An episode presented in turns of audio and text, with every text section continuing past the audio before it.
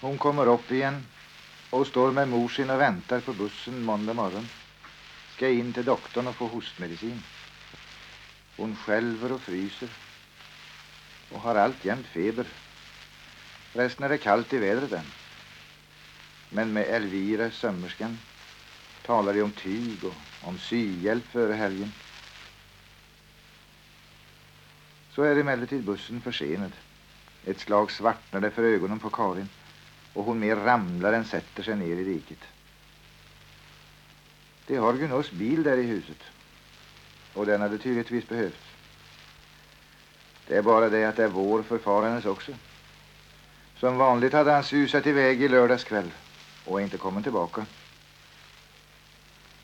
Ett blommigt voaltyg. Men när bussen fortfarande dröjer talar de en stund ganska ampert om bilen, om, om karstollen som nu oftare och oftare stannar borta halva veckan i stöten.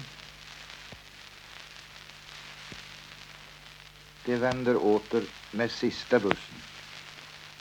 Den det är minst folk med. Snopna, rädda. Liksom tomhänta, säger Elvira. Fast de hade både bakelsekartong och blommor och tyget. Och öppenhjärtiga. Plötsligt öppenhjärtiga med det lilla de har att förtälja.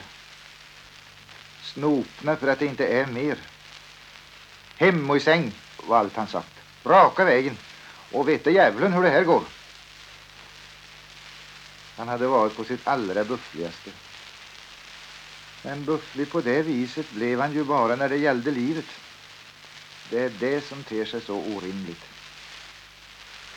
Det är därför det ger sig så god tid den kilometern de har kvar ifrån vägskälet och hem. Sammalunda hade de gjort inne i stan. Suttit och kurat nästan tre timmar på matserveringen innan de tog den folktommaste bussen. Men så kan man ju inte ha ment i alla fall. När han ändå inte behöll den inne på sjukstugan. Där de ligger som sardiner i en ask, säger Elvira. Och det kan ju hända. Men när han sände med medicin och uttryckligen sa att hon skulle bli hemma så har han naturligtvis inte ment att hon så här utan vidare skulle dö. Vi kan se att folk rycker till nu. Men just därför tar Betty, mor hennes, detta ord i sin mun. Tar det besvärjande i munnen. Blott för att ånyo höra och låta dem höra hur orimligt, rätt och slätt orimligt det låter. För naturligtvis ska Karin repa sig Låt hon får medicinen och, och kommer sig i säng igen.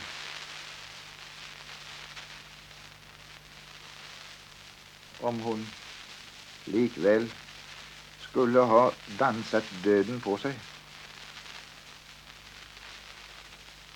Det förtäljs att hela slarvresan egentligen var hennes påhitt. Hennes ivriga påhitt. Om och om igen hade hon ålat sig in mellan nye lastbilschaufförens nävar. Gett honom sockerdricka i butiken flyttat cigaretten från hans mun till sin.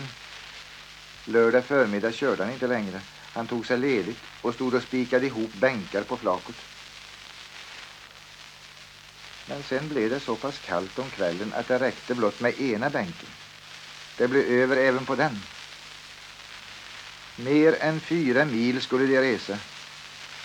Och när nu dansbanan här på Tallmon ändå öppnades till nästa helg så vart det många tvehågsna. Både hon och chauffören trugade och hånade dem. Det drog ut på tiden. Ytterligare två jäntor fick hon med bara på villkor att de skulle få sitta i hytten. Tunn blus och tunn sommarkappa. Dans och svett in till nästa morgon. Och åter på öppna flaket färden hem. När rimfrosten låg vit bort över vallarna. Men hon hade väl känt sig som ett slags arrangör och som ansvarig för mest möjligt utav fröjd och så spjärnat emot udden.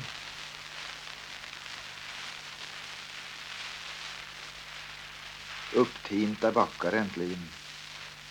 Kärringarna blir utomhus längre och längre stunder åt gången. De ser varandra där de går och plockar och räfsar och städar.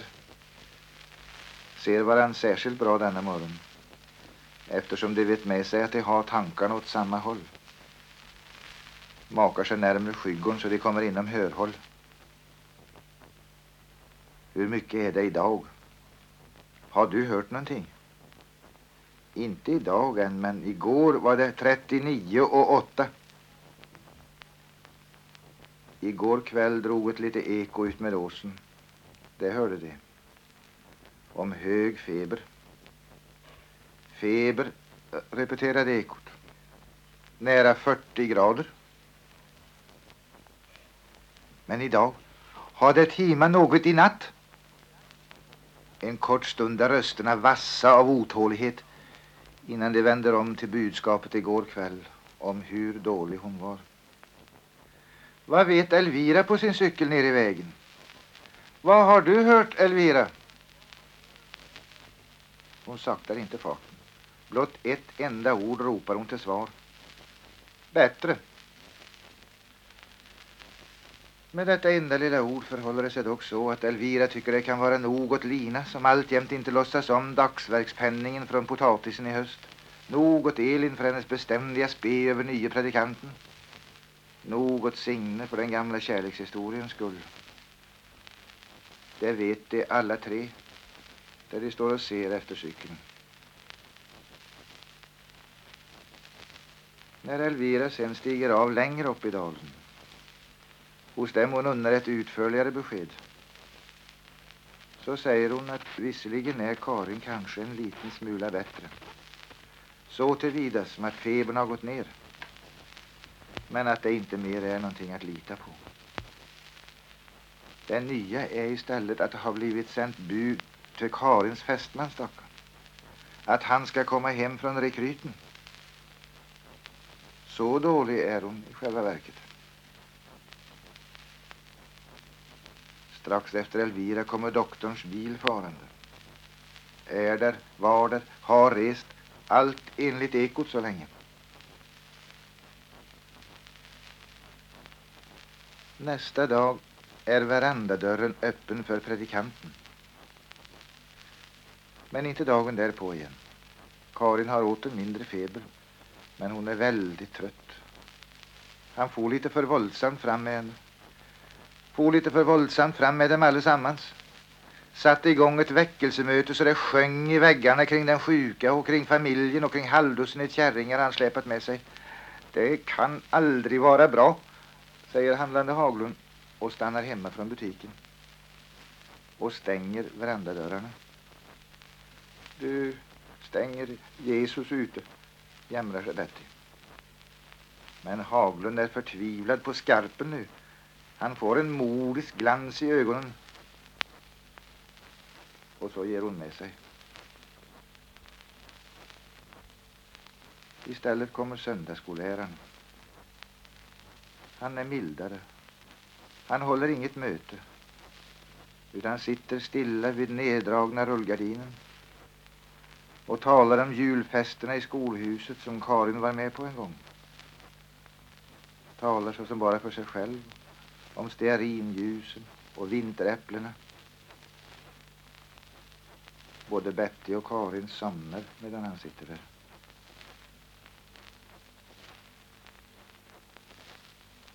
Fotbollsklubben står och hänger vid vägskälet om kvällen när fästmannen kommer dit.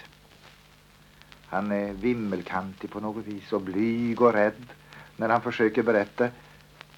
Jesus har sagt men för sin del orkar han inte med den här frälsningen, säger han. Hade jag inte gått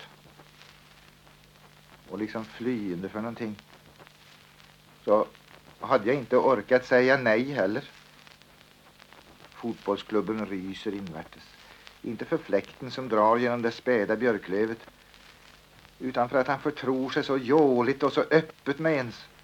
Så rådvilt, så utan fotfäste. Det är som svävade han i luften när han håller ringen fram emot den. Den fick jag tillbaka. Skygg och främmande för frälsningsiven hennes. Men det i sin tur är skygga och främmande för honom nu.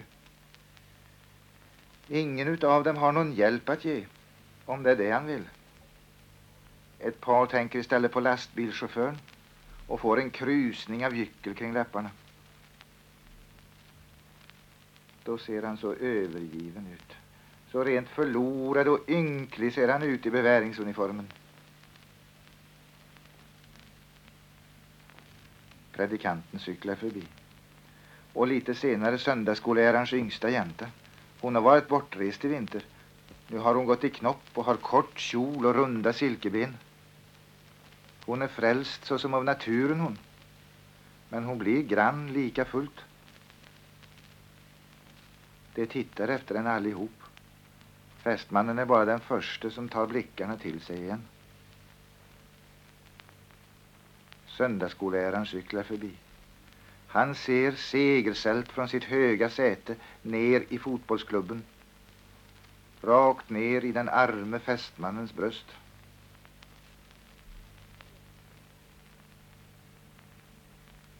Att alltså döden kommer. Backarna offer. Kommer. Vänd om, vänd om. Detta är det ju ingen mening i. Hon har inte levt än. Kom igen ett annat år och ta en av oss att börja med. Handlande Haglund säger att får Karin leva så skall han han blir stående med famnen full av en stor löftesbörda som ingen tar emot. Då säger han nästa dag att dör hon så vet han inte vad han... Famnen full igen med stora mörka hotelser nu. Men ingen viker undan. Löftena är stoft. Hotelserna är idelstoft. Betty Haglund däremot gör döden till en vän. Han ska bli här, ser hon, och så ska hennes hus vara hans hus. Hans hus och Jesu hus. Medgång efter världens sinne har de haft i alla dessa år. Men det var inte en medgång efter hennes sinne. Och för en liten stund tar hon tyglarna ur Haglunds hjälplösa händer, lägger dem i predikantens. Han går åter verandavägen in näst sista dagen Karin lever.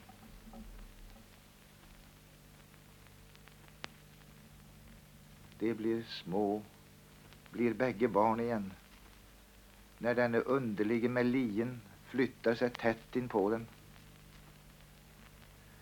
Sitter ungefär där söndagsskolläraren satt i förrgår. De ser inte åt honom. Men han får höra hur fattiga och ensamma de är. Att de just inte har mer än detta blommiga voaltyget till pingstklänningen. Karin har det hos sig i sängen och stryker med handen över det fram och åter. En hand som är så blek och så trött. Och Betty försöker sig på en liten skröplig, erbarmligt skröplig berättelse. Jag ska ha den med mig, säger hon. När jag kommer till dig i himlen ska jag ha tyget med mig.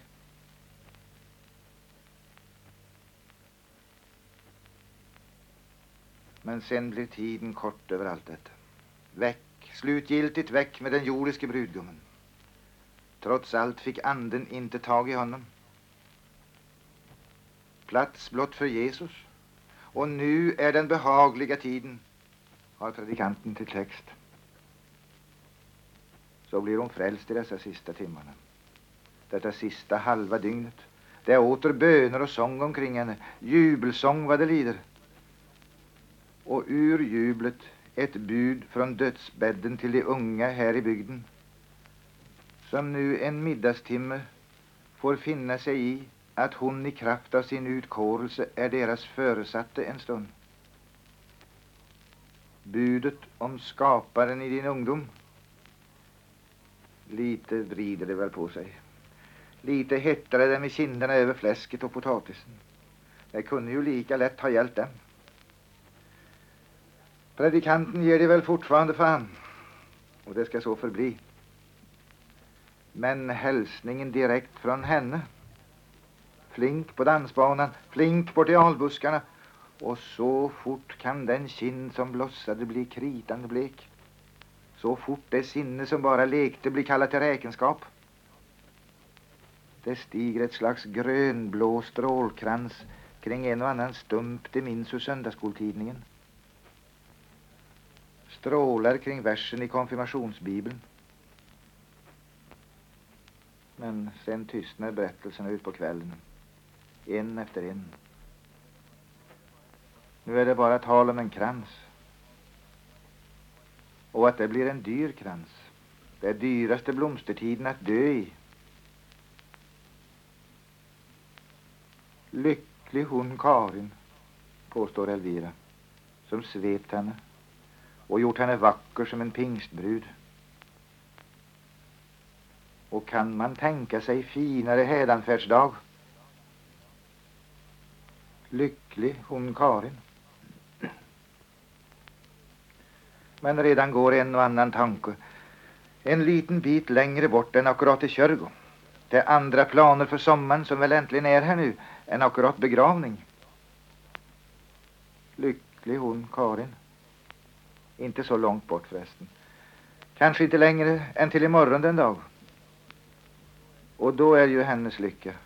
Ja, det får vi väl säga som prästen brukar uttrycka sig. Då är ju hennes lycka av det slag du gärna avstår ifrån. Trots stundens vägring. Just för stundens vägring.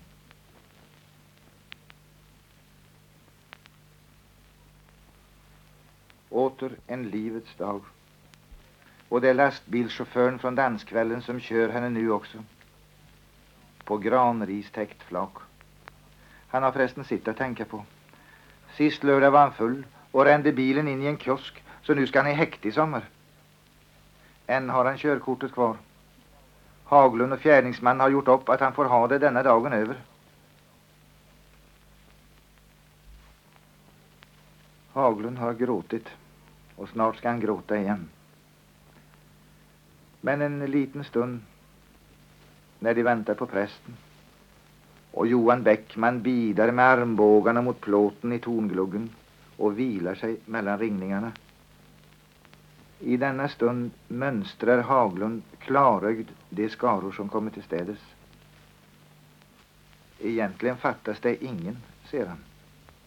Det är hedersamt för Karin. Men det är hedersamt också för butiken. Här finns det som prästen inte får ner till julottan ens, men det står i böckerna hos Haglund och nu är det här. Han klämmer till ett slag kring Bettys arm. Praktiskt sett behöver hon inte vara så helt tröstlös. Karin skulle visserligen inte ha gått sin väg. Men hon är ju inte den enda de hade. Här är fyra ungar till. Tämligen bra var och en på sitt vis. Den enda han tycker ser lite tufsig ut är fästmannen. Men imorgon är permissionen till ända så då går han inte kvar här längre och skräpar. På en månad eller så. Och sen ska väl det värsta vara över.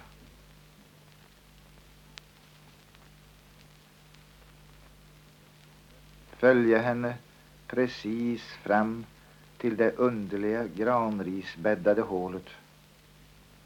Inte vidare. Därutöver vill i detta ögonblick blott alltid ensam ibland dem. Nu är det heden med alla dessa ungdomarna som dragit ihop sig till sångkör med processionen som ordnar sig så fint och regelrätt som skulle vi aldrig gjort annat än marscherat så här på led. Med en klockare som tvått kritan av sig så de stora tjocka öronen skiner utav solljuset igenom dem. Och med en präst som, åh, oh, good enough, som just Haglund utlät sig när den envetne gudsmannen äntligen lyckas bli vald hit.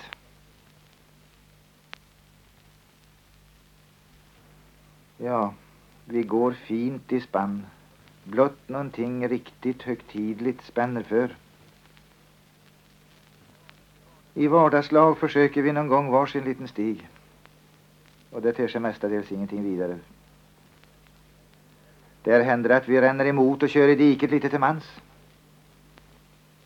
Men utefter denna gemensamma vägen, den enda vissa vägen, där klarar vi oss lika bra som den vanaste begravningsbyrå. Vi bor avsides här, men därför behöver vi ingalunda be om någon hjälp. Och så om han som i höjden bor hjälper till och ger en dag så ljuvlig som denna. Sen är det sant att något övermått av det ljuvliga blir det ju aldrig. Det är det sörjt för.